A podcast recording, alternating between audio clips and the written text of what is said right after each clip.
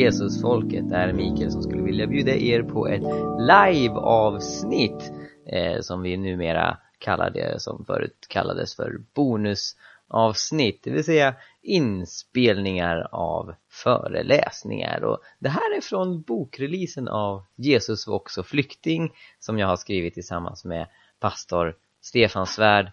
Jag och han sammanfattar bokens innehåll och förklarar varför vi anser att kristna ska välkomna och välsigna flyktingar och invandrare. Så håll till god.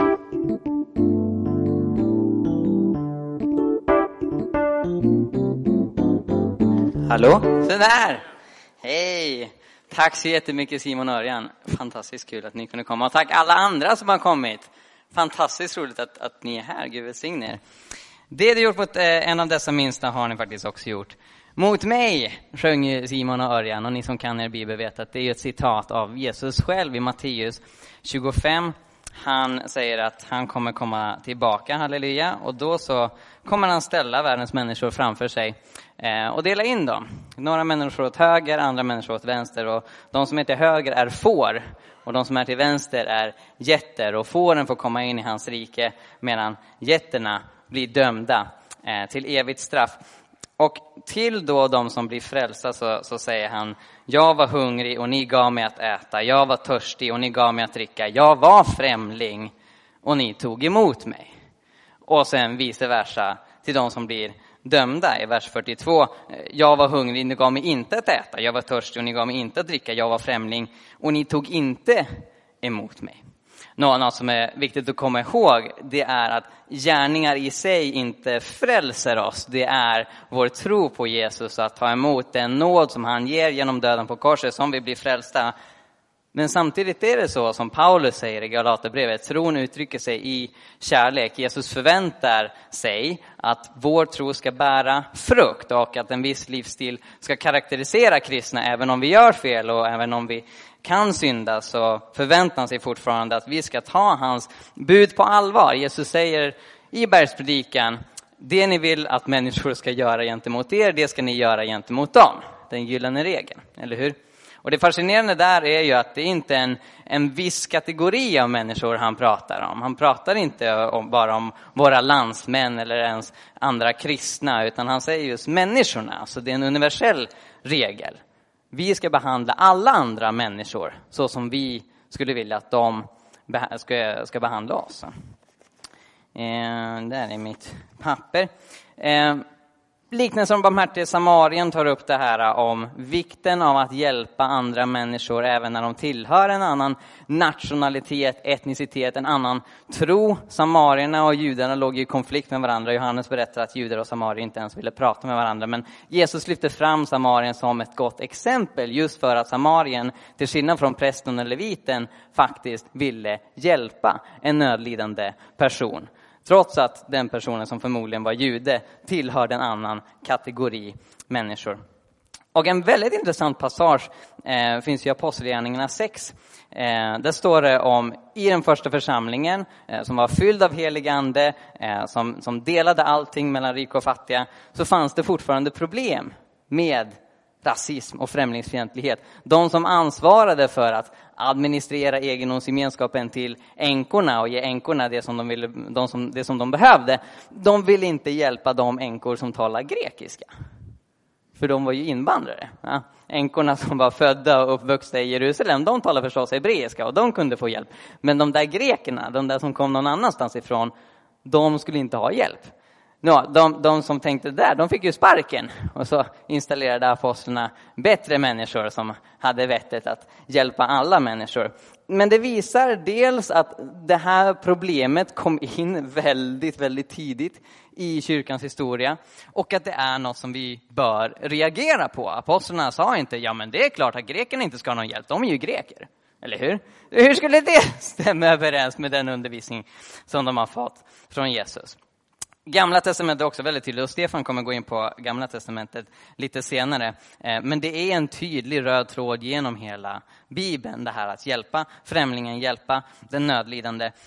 Och när vi ställs inför dagens situation, inte bara i Sverige utan globalt, migration är ju alltid globala frågor, va? det handlar om att byta land, så behöver vi dels ha en förståelse för vad Bibeln säger, också en förståelse för hur det ser ut i världen. Och det jag möter är dels vissa som, som totalt struntar i eh, Bibelns moraliska regler, hittar på andra moraliska regler som är mer egoistiska i sin karaktär. Eh, men sen finns det andra som, som kan ställa upp på Bibelns idé om att vi ska hjälpa alla nödlidande människor. Men så kan de ha en felaktig bild av världen. Jag tror en av de mest utbredda konspirationsteorierna i Sverige idag är att Sverige är ett fattigt land.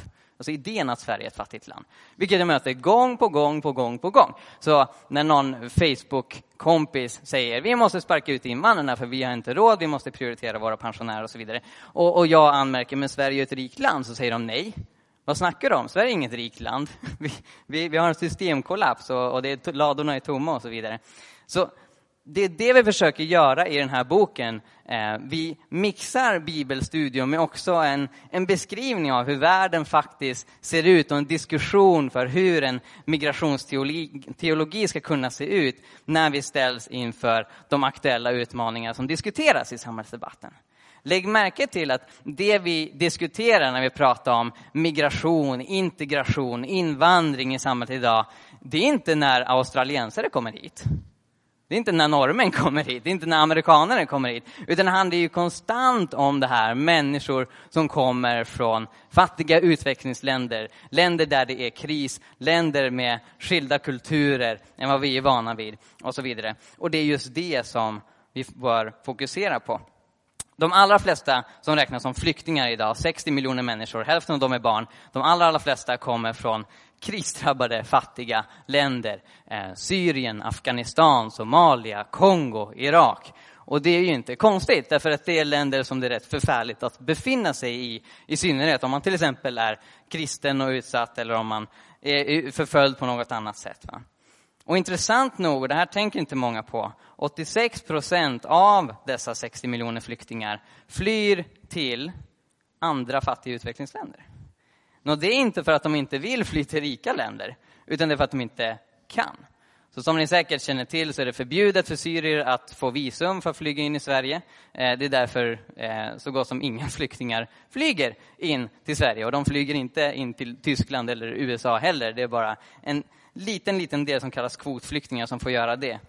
Och det är för att man har designat migrationssystemet så att fattiga utsatta människor, riktiga flyktingar, inte ska kunna ta sig hit. Varför är det så? Jo, en, en insikt som slog mig är just att mycket av de migrationsbegränsningar som vi ser idag går just ut på att förhindra ekonomisk utjämning mellan fattiga och rika länder. Bo Forsberg som är generalsekreterare för Diakonia, han var här i stan för två månader sedan och då lyfte jag just det här, för han pratade om murar som byggs i världen och Donald Trump vill bygga, en mur mot Mexiko och, och man, man, bygger murar. Eh, Medelhavet är som en dödlig fysisk eller naturlig mur. Och jag poängterade för honom att vi bygger ingen mur mellan Sverige och Norge och, och, och eh, Kenya och Somalia bygger inga eh, murar mellan varandra. Utan det är ständigt mellan rika och fattiga länder som det här fenomenet dyker upp. Så jag frågar Bo, skulle du säga att mycket av migrationsbegränsningen idag går ut på att förhindra eh, ekonomisk utjämning mellan fattiga och rika länder? Och det han, ja, det, det är ganska uppenbart. Nå, när människor argumenterar mot migration från fattiga krisdrabbade länder till rika, trygga länder så kan man då antingen säga nej men vårt land är inte rikt och, och tryggt. Sverige är ett utsatt u-land och då är det bättre att folk tar sig till Jordanien. Nå, verkligheten är ju tvärtom. Ehm, faktum är att eh, det kom en rapport i oktober förra året, Global Wealth Report, som slog fast att Sverige har världens sjätte rikaste hushåll. Ehm, och det visar ju ganska tydligt att, att den här retoriken om, om att vi inte har kapacitet och vi inte råd inte stämmer överens med verkligheten. Men det finns ett annat sätt.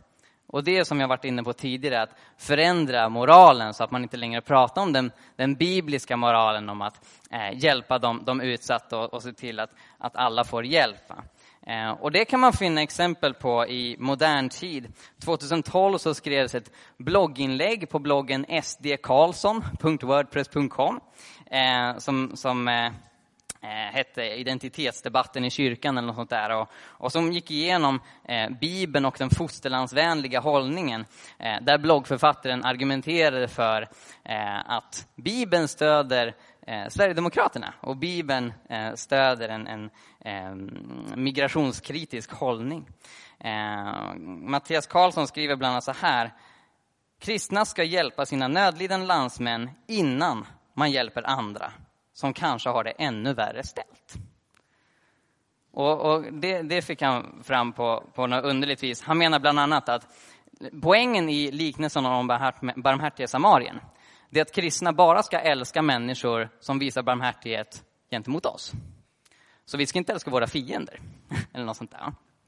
Och det, det, får han fram för att, om ni minns liknelsen om barmhärtiga samarien, så avslutas ju det med att eh, Jesus frågar den, den laglärde som, som har Eh, i sin tur frågat honom vem som är hans nästa.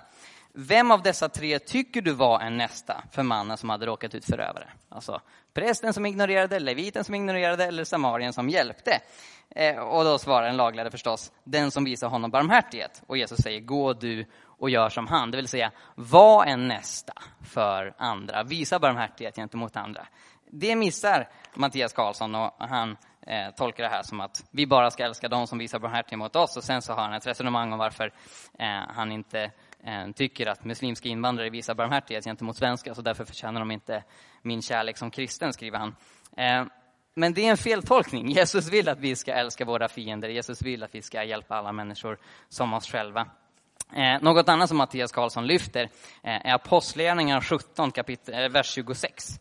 Eh, och det skulle jag säga är den absolut vanligaste bibelversen som används av migrationskritiker. Ehm, bara senast idag, tror jag, så var det en, en person som skrev på Stefans Världs blogg och, och hänvisade till den bibelversen bland annat för att mena att Gud vill inte att, att vi ska migrera. Ehm, och versen i fråga eh, säger så här. Eh, Gud har av en enda människa skapat alla människor och folk för att de ska bo över hela jorden. Han har fastställt bestämda tider och utstakat de gränser inom vilka de ska bo. Och det är just gränser som migrationskritiker eh, och kristna migrationskritiker i synnerhet gillar att, att peka på. Va? Eh, så jag fick till och med ett mejl häromdagen. Det var nu Mikael Grenholm ska du få se varför du har fel. Eh, och så var det ett blogginlägg som innehöll ett enda bibelord och det var just det här. Gud vill att det ska vara gränser och då är den underliggande tanken att de gränserna inte ska korsas. När vi går igenom det här eh, bibelordet och analyserar vad det verkligen säger, intressant nog så, det är Paulus som säger detta och han säger det i Grekland dit han har migrerat. Så han är ju missionär, mission förutsätter migration.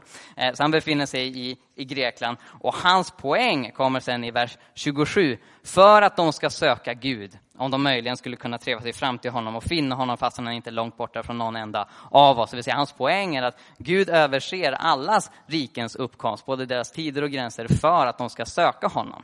Gud är inte irrelevant för grekerna. Och det som är viktigt att tänka på, förutom att Paulus inte ens diskuterar migration och inte argumenterar emot det, är att han beskriver hur världen faktiskt är, inte hur den bör vara. Det vill säga alla länder har sina gränser utstakade av Gud, oavsett om vi snackar ett mångkulturellt land som Indien eller USA, eller ett mer monokulturellt land som Turkiet. Eh, så poängen som Paulus gör är att Gud har kontroll över allt. Och han menar inte att migration skulle vara något dåligt, för det skulle försvåra missionsbefallningen ganska mycket. Det vi har funnit, och som överraskade mig en hel del, det är att mycket av den här nationalistiska och migrationskritiska teologin är väldigt liberal. Mattias Karlsson då, som har skrivit det här blogginlägget, och han är ju som, för er som inte vet det, chefsideolog inom Sverigedemokraterna. Han hoppar ju in som eh, partiledare för, för Sverigedemokraterna när Jimmie Åkesson blev sjuk. Han börjar inlägget med att säga, ja men jag är inte ens teolog eller ens övertygad troende. Eh, och sen så, hans essä innehåller en del formuleringar om att Bibeln, den, den är så motsägelsefull och jag förstår mig inte på den här boken och den, den säger emot sig själva. Eh, Jonas Åkerlund, som förut var vice partiledare för Sverigedemokraterna och första namn i kyrkovalet 2009, Han sa i en intervju med Dagen att hans teologi är liberal. Han tror inte på jungfrufödsel, han tror inte på att Jesus gjorde några mirakler, han tror inte på uppståndelse och så vidare. Eh, men han var den som skulle representera Sverigedemokraterna i deras kyrkoval. Och det är ju inget unikt, va? för om man kollar på eh, kyrkopartierna i Svenska kyrkan så är det ju koko. Det är ju mängder med människor där som inte tror på Jesus. Men det intressanta är att jag har mött vissa kristna som hävdar att Sverigedemokraterna, de står upp för de kristna värderingarna nu när KD har blivit så mesigt och Sverigedemokraterna är liberalteologiskt i grunden. Ehm, det vi ofta glömmer när det gäller just liberalteologi är att det behöver inte vara vänster. Vi har blivit lite vana i Sverige med folk som KG Hammar och så vidare. Att de, de som tonar ner evangeliets roll och de som tonar ner mirakler och så vidare, eh, att de skulle vara eh, 68-vänstern och vänsteraktivister. Men så behöver det inte vara. Eh, Stefan har kollat mer på hur kyrkan reagerade på nazismen på 30-talet. Intressant nog så var det många tyska teologer eh, som stödde Hitler som var just liberalteologer. Eh, som inte tog evangelierna särskilt seriöst utan betonade moderna värderingar. Och när de moderna värderingarna är nazistiska, då får man en sån teologi. Något annat intressant som vi har funnit det är just motsättningen mellan eh, mission och främlingsfientlighet och hur många som har de här åsikterna är väldigt kritiska till mission och evangelisation. Eh, på förra årets torpkonferens så eh, var det en, en kristen sverigedemokrat som kontaktade mig eh, och skrev massa så på Facebook och hur fel jag hade och så vidare. Så jag gav honom mitt telefonnummer så vi kunde prata om det. Så då ringer han upp mig och han är sur och han säger att jag, jag har så fel och, och, du, du vill Mikael att, att muslimerna ska ta över och det kommer bli ett muslimskt kalifat här i Sverige och det kommer bli så förfärligt och så vidare. Och jag, jag sa, men du, det är väl bättre om vi om vi motarbetar islam genom att evangelisera och föra muslimerna till tro istället för att utvisa dem till krig. För att om vi utvisar dem till krig, då lär de inte bli frälsta. De lär bara bli sura och de kanske till och med dör. Alltså det är en ganska dålig missionsstrategi. Det han sa förvånar mig på ett sätt och samtidigt inte. Han sa att muslimer kan inte bli frälsta.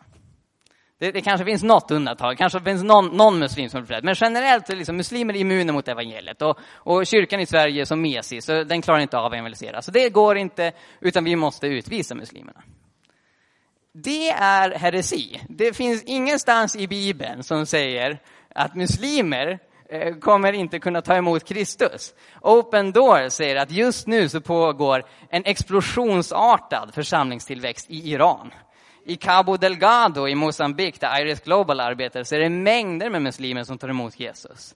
Och Simon berättar om muslimer som tar emot Jesus här. Faktum är att varje år så hålls det en arabisktalande konferens i Flen, arabisktalande kristna. Förra året var de 500 personer, majoriteten av dem var före detta muslimer som har kommit till tro på Jesus. Så det vi ser just nu är ett guldläge för kyrkan att missionera och evangelisera för människor som kommer från länder dit det hittills har varit väldigt svårt att skicka missionärer. Halleluja. Men så här tänker inte många som har de här åsikterna. Det vi har mött gång på gång är någon slags tanke om territorialmission som har djupa rötter i Europa. Man kollar på statskyrkosystemen, hur de tänkte att man ska utbreda kristendomen. Då handlar det inte om fri vilja, utan då ska man ta över ett land och så ska man sätta ett kors på flaggan eh, och sen ska man tvinga alla att tro på Jesus. Så den strategin eh, körde ju den lutherska kyrkan här i Sverige och den anglikanska kyrkan i England och, och så vidare. Eh, och det är något som finns kvar eh, hos många idag eh, som har de här tankegångarna. Eh, Björn Söder, eh, som är riksdagens andre vice talman och upphöjd sverigedemokrat, han skrev ett blogginlägg för några år sedan där han argumenterade för att kristendomen ska vara Sveriges statsreligion, eh, islam ska förbjudas och sen ska man eh, införa asatro i, i kyrkan. Eh, för då blir den svensk. Eh, och, och, då är det liksom grund, grundtanken är att här ska det inte handla om någon fri vilja, här ska det inte liksom handla om vad folk faktiskt vill, utan här ska vi liksom forma religionen i ett land ovanifrån. Eh, och eftersom han är liberal teolog så gör det inte så mycket att han väver in lite avgudadyrkan i hans sätt att se det. Va? Det här är inte det Jesus pratade om. Jesus sa inte gå ut i hela världen, ta över ett landområde, sätt ett kors på flaggan och utvisa folk. Så jag, jag kör faktiskt ett, ett, ett tankeexempel i boken för att få oss att tänka till kring det här, hur vi ser på eh, mission och liksom stopp på islamismen och så vidare. Tänk er att det blir krig mellan eh, Indien och Pakistan. Och 40 miljoner hinduer flyr till Sverige, eh, hur de nu skulle kunna göra det, eh, men vi säger att de gör det.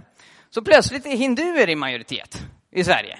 Och då kanske de röstar in ett hinduparti i, i riksdagen och, och, så tar de bort korset från flaggan och sätter ett aum-tecken istället. Eh, och så inför de hinduiska högtider och så vidare och tar bort de kristna högtiderna.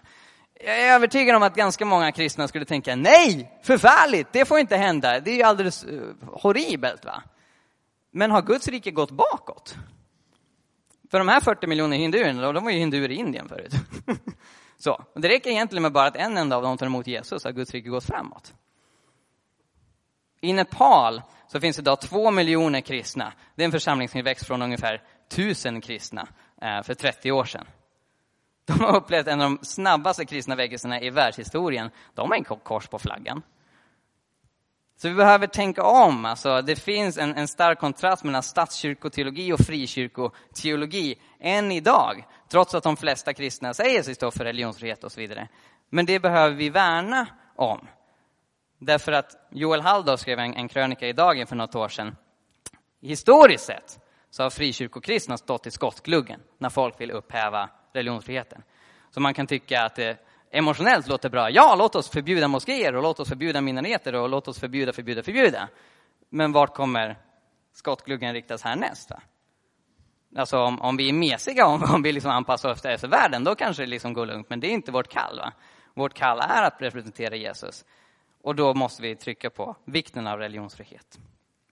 Jag personligen engagerat mig mycket för EU-migranter. Eh, här i Uppsala jag var med och grundade Stefanushjälpen som, som hjälper EU-migranter.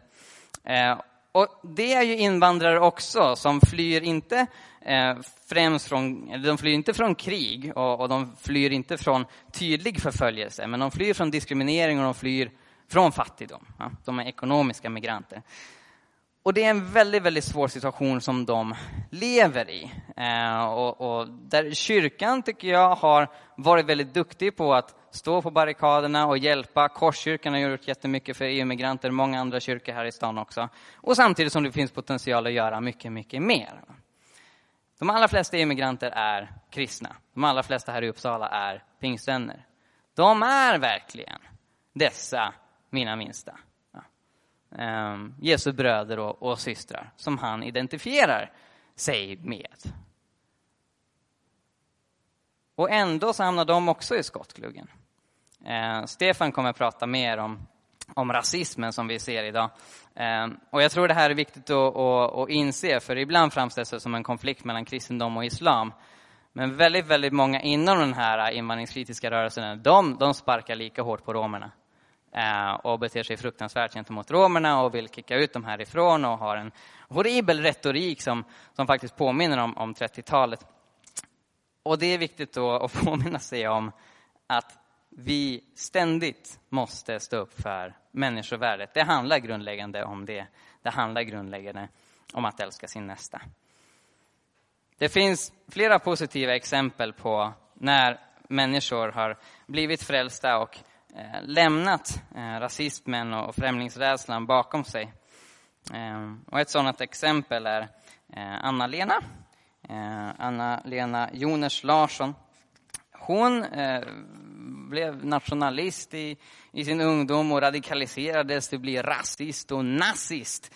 Till och med. Hon hyllade eh, svenska motståndsrörelsen som en eh, nazistisk eh, organisation. Eh, och, och eh, hon bemöttes med mycket kritik, mycket hat. Det var många människor som tyckte förstås att hon var dum i huvudet och, och galen eh, och så. Och det var hon till viss mån. Men det fick ju henne bara att radikaliseras ännu mer. Va? Sen så drabbades hon av en, en personlig eh, kris eh, och hon behövde hjälp. Hon hamnade i ekonomiska svårigheter. Hon gick till en eh, öppen förskola och där träffade hon några av dem som hade, hon hade debatterat jättemycket på, på Twitter. Som fortfarande tycker att hon är galen för hon är nazist. Men de mötte henne med kärlek. Och hon kom i kontakt med kyrkan eh, och hon presenterades med evangeliet. Eh, så idag så eh, hjälper hon flyktingar. Eh, hon har förvandlats helt och hållet. Och hon säger just det att det var kärleken eh, i, i grund och botten som, som förändrade mig. Va? Eh, och hon hjälper till i, i kyrkan, diakonalt, där hon bor. Vi har många fler historier som, som liknar denna. Och jag tror det är viktigt att, att dels apologetiskt stå upp för sanningen, bemöta debatten, men ständigt trycka på kärleken och värmen. Därför att på engelska så säger man eh, xenofobia för främlingsfientlighet, alltså främlingsrädsla. Och det tror jag eh, beskriver det här fenomenet ganska bra. Det, det är en oro, det är en rädsla eh, som ofta är ganska ogrundad, men som behöver mötas med, med varma hjärtan och sanning, nåd och sanning, vilket är precis det som Jesus står för. Tack så mycket.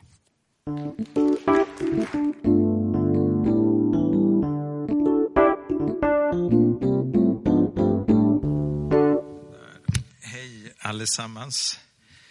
Jag heter Stefan Svärd från eh, Stockholm. Det hörs på dialekten. Jag har varit här ett par gånger förut. Jag var med när den här kyrkan invigdes. Och då framförde jag en hälsning eh, från Evangeliska Frikyrkan till, församlingen här. Det var några år sedan. Vad kan det vara? Bortåt tio, tio år sedan, ja just det.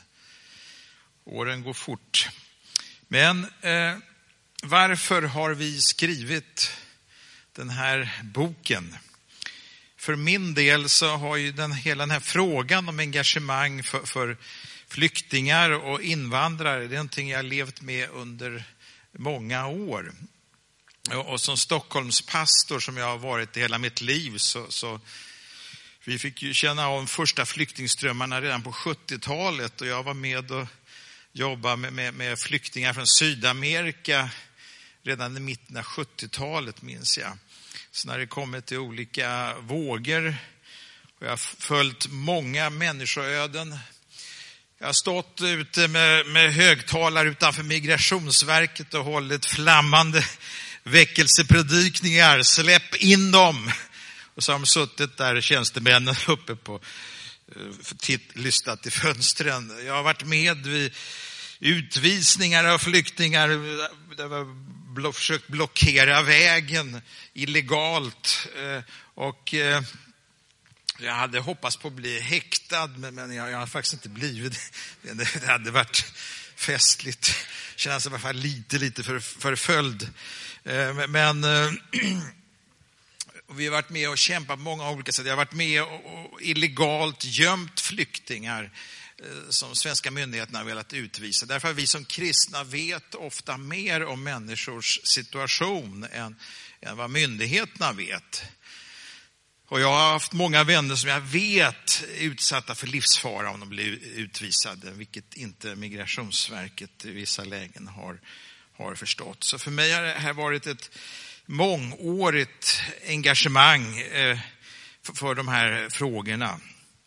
I den församling jag har varit pastor i Stockholm nu senare år, eh, som har hetat Elim, som vi nu har omorganiserat. Vi, helt plötsligt så ville man utvisa vår kongolesiske pastor som var kongolesisk regimkritiker.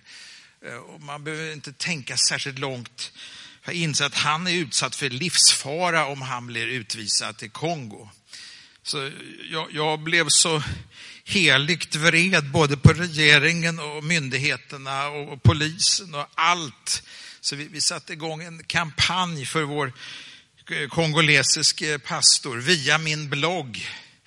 Eh, och, och eh, som höll på länge. Eh, och det slutade med att han, han blev utvisad mitt i natten.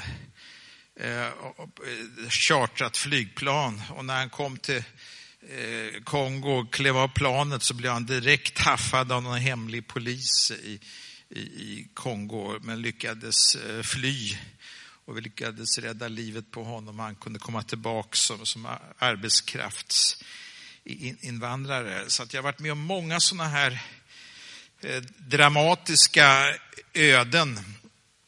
Eh, men nu har ju den här frågan blivit mycket intensivare under senaste eh, två åren. Det är också så här, vi kristna i världen, vi har under många år bett för 1040-fönstret. För alltså den helt stängda muslimvärlden dit vi inte har kunnat skicka några missionärer under många, många år. Vi har bett och bett och det har varit en global rörelse av förbön för hela det här 1040-fönstret. Och det är ju bland annat Irak, Afghanistan, eh, Syrien, Turkiet. Exakt de länderna är det det handlar om. Och nu skakar hela den här delen av världen och människor kommer hit från de här länderna.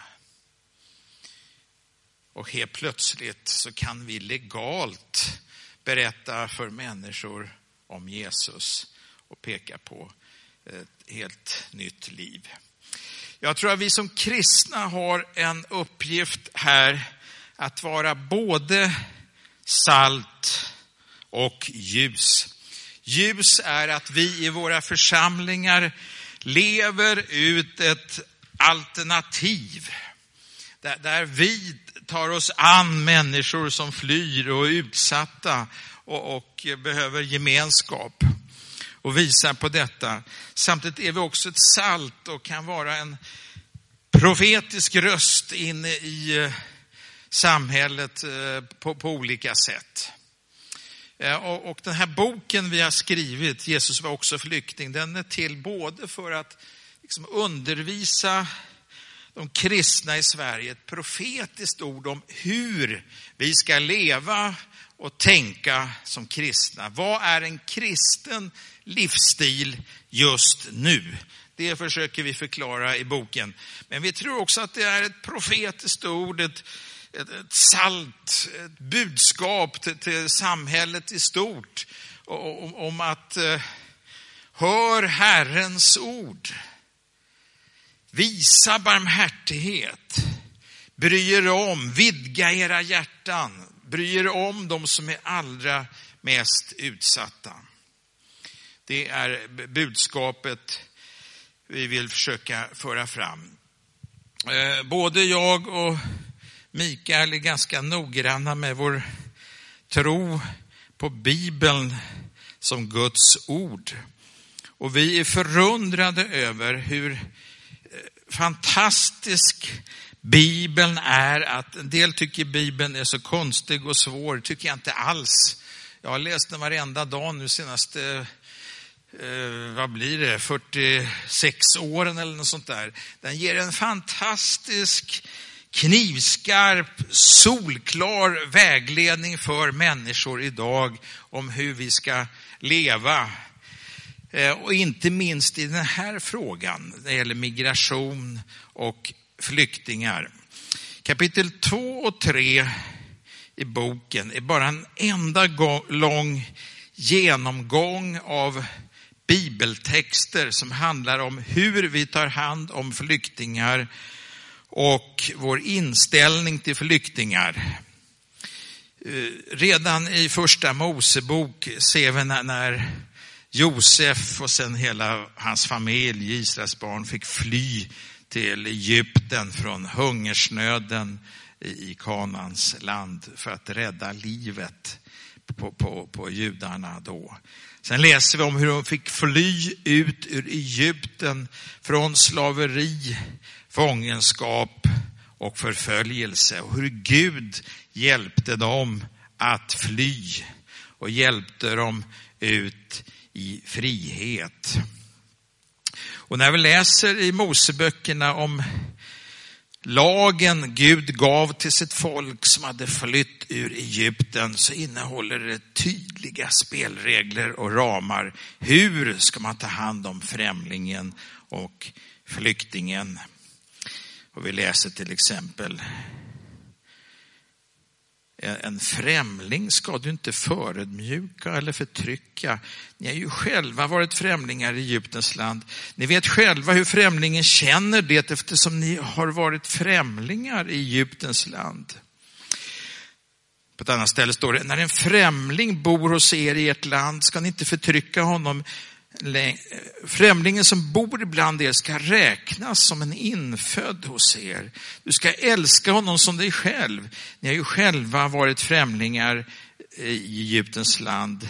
Jag är Herren, er Gud.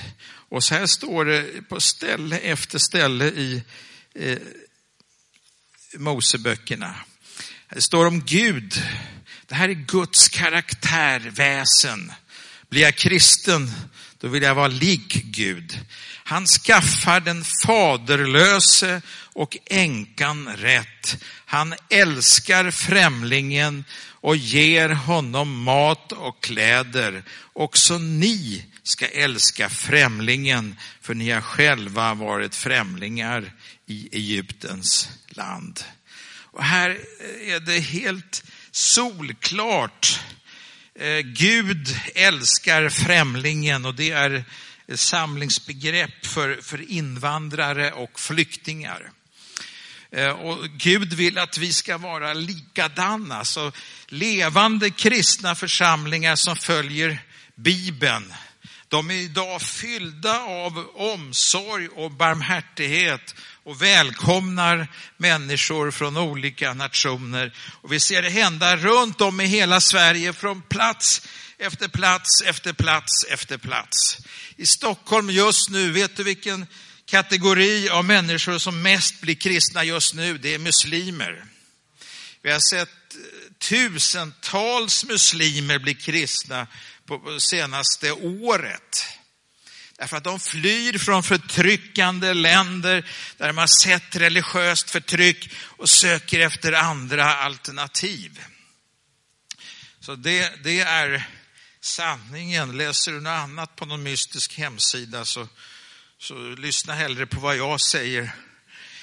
Profettexterna i Gamla Testamentet är likadana. Vet du om att profeten Jesaja Profeten Jeremia och flera av de andra profeterna, de talar vass till Guds folk. Förtryck inte främlingen. Förtryck inte den faderlöse. Förtryck inte änkan, utan visa barmhärtighet och öppna era hjärtan och hjälp människor i nöd. Det är profeternas budskap. Vet du vad Europa behöver höra idag? De behöver lyssna på Jesaja, Jeremia, ett Europa som står och kommer med tårgas mot flyende barnfamiljer från Syrien.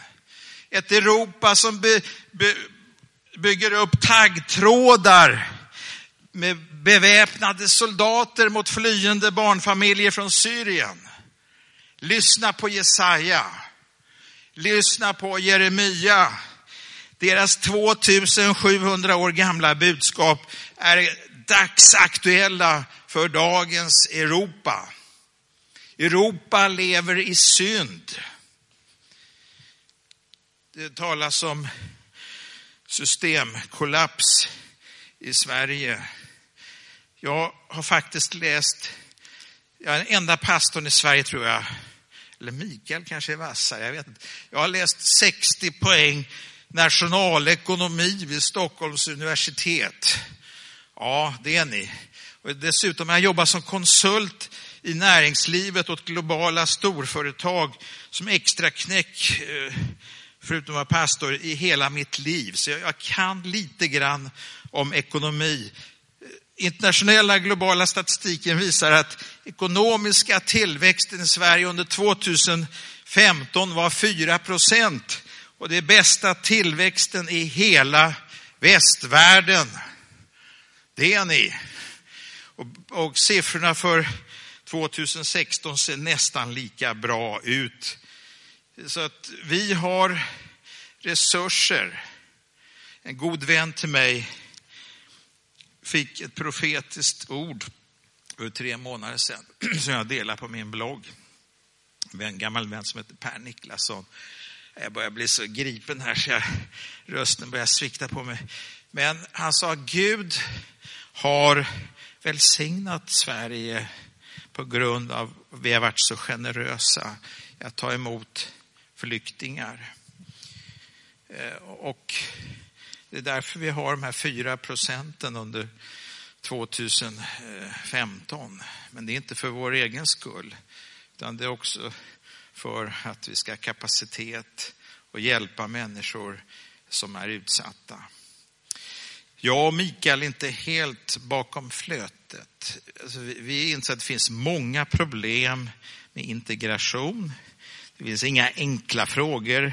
Att skapa jobb, skolplatser, allt det här det, det är långsiktigt svåra arbeten. Det vi försöker trycka på är att vi som kyrkor kan vara spjutspetsar och goda exempel i integrationsarbetet. Kyrkan kan inte styra över politiken, ska inte göra det heller, men vi kan vara goda exempel. Vi kan vara ljus i den värld vi lever i. En sak vi tar upp i boken det är att vi lever nu i ett Europa med en stark rörelse eller expansion av främlingsfientlighet. Så vi trodde att fascismen dog ut efter andra världskriget, men det har den inte gjort. Utan den frodas i land efter land över runt hela Europa. Den regim vi nu ser i Ungern till exempel, som ofta, många lyft fram som ett gott exempel, det är en fascistisk regim. Det är lika bra att säga rakt ut som det är. Dansk politik har Dansk folkparti ett starkt inflytande. Alternativ för Tyskland, stora framgångar i senaste valet. Samma sak i England.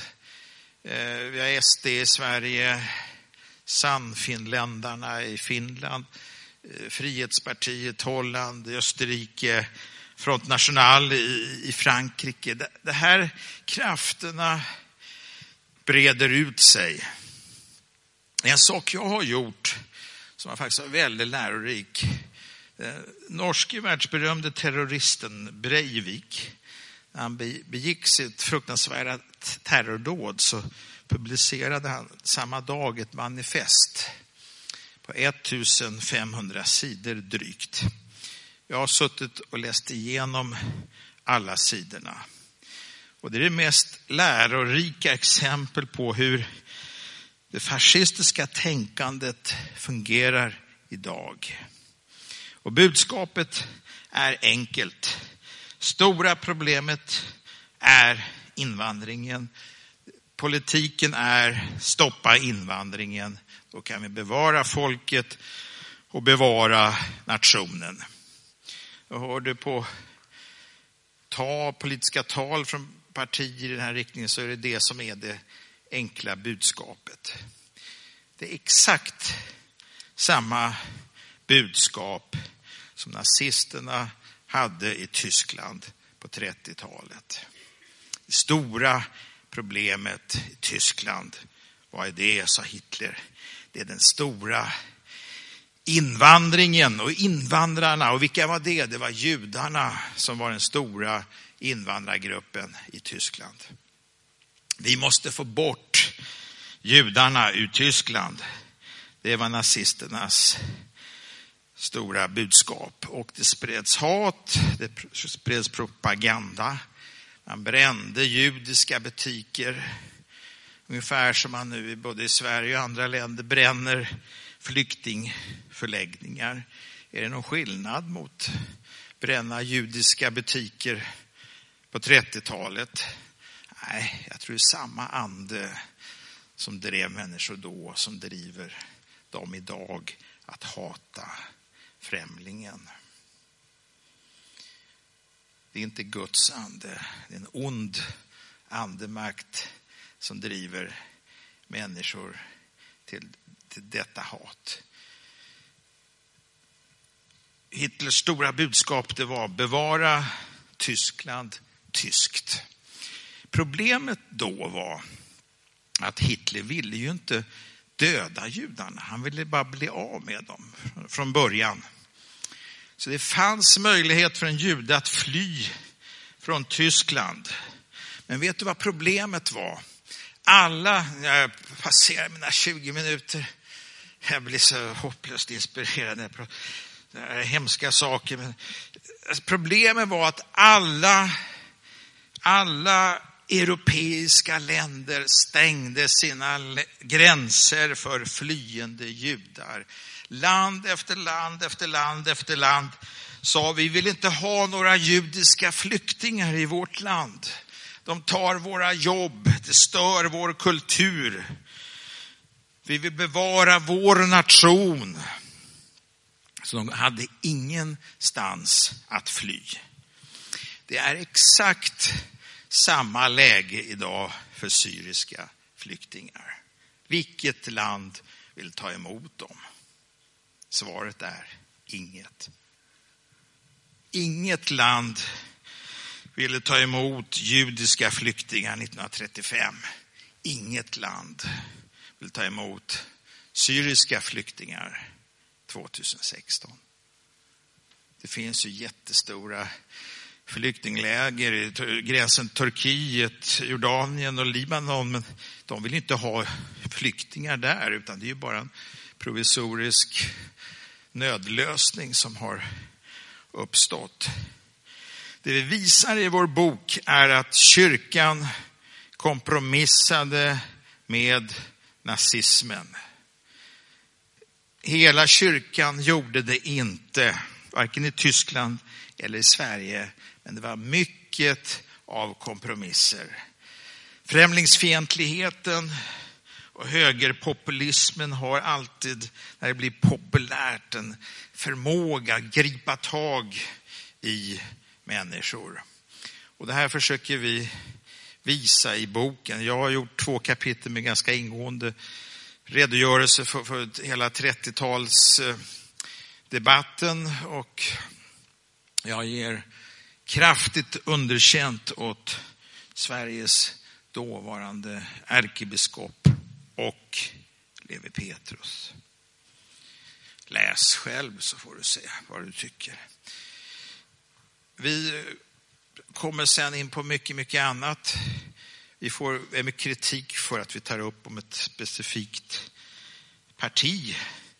Eh, när Stanley Sjöberg drog en gång en kampanj 1973 eller 72 i Stockholm mot extremvänstern. Då var det ju väldigt populärt med, med alltså, riktig extremvänster. Det, folk idag har ingen aning om vad det är för någonting som ville göra blodig revolution. Och, och, då blev Stanley så kritiserad för att han gav sig in i politiken. Men jag tror att jag och Mikael, vi känner ett profetiskt uppdrag att konfrontera eh, alltså den här främlingsfientliga och högerfascistiska trend som finns idag. Jag har ett kapitel, jag är också statsvetare, så jag, jag tycker jag får skriva om politiska analyser. Jag jobbar med det hela mitt liv. Jag har skrivit, balansera lite, skrivit många kritiska texter om bland annat Kristdemokraterna under sin regeringstid. Jag har gjort en ingående genomgång av Sverigedemokraternas partiprogram och slut, alltså om man tror att Sverigedemokraterna bara är ett invandringsrestriktivt parti, då har man inte förstått särskilt mycket vad det handlar om. Läs då partiprogrammet. Det är ett, enligt min mening, ett fascistiskt eh, extremnationalistiskt parti som egentligen vill stänga Sveriges gränser. Och det värsta av allt är, man läser partiprogrammet, att en jude, en kurd eller en finne är inte någon riktig svensk. Så det är en rasistisk man kallar det inte, självklart inte för rasism, men det är ju det som är konklusionen. Alltså människor definieras utifrån sin nationalitet. Och är man jude, kurd eller finne eller någonting annat kan man inte vara riktig svensk. Och det går inte att leva med dubbla identiteter, till exempel vara en svensk jude. Eh, det är en icke acceptabel modell. Eh, och här menar jag att vi kristna behöver både i våra församlingar leva ut ett alternativ där vi i församlingsgemenskapen helt gör upp med rasismen. och bygger mångkulturella församlingar. Men också att vi är ett salt, eh, profetisk röst in i samhället. Och det jag säger nu, det skrev jag och Mikael, Svenska Dagbladet i fredags. Och det var tusen delningar på Facebook av den artikeln, så den har gått ut ganska brett i hela svenska samhället. Det känns väldigt bra. Ja, nu bäst jag säger amen. Eh, hoppas ni inte blivit helt vettskrämda här, men du får läsa boken.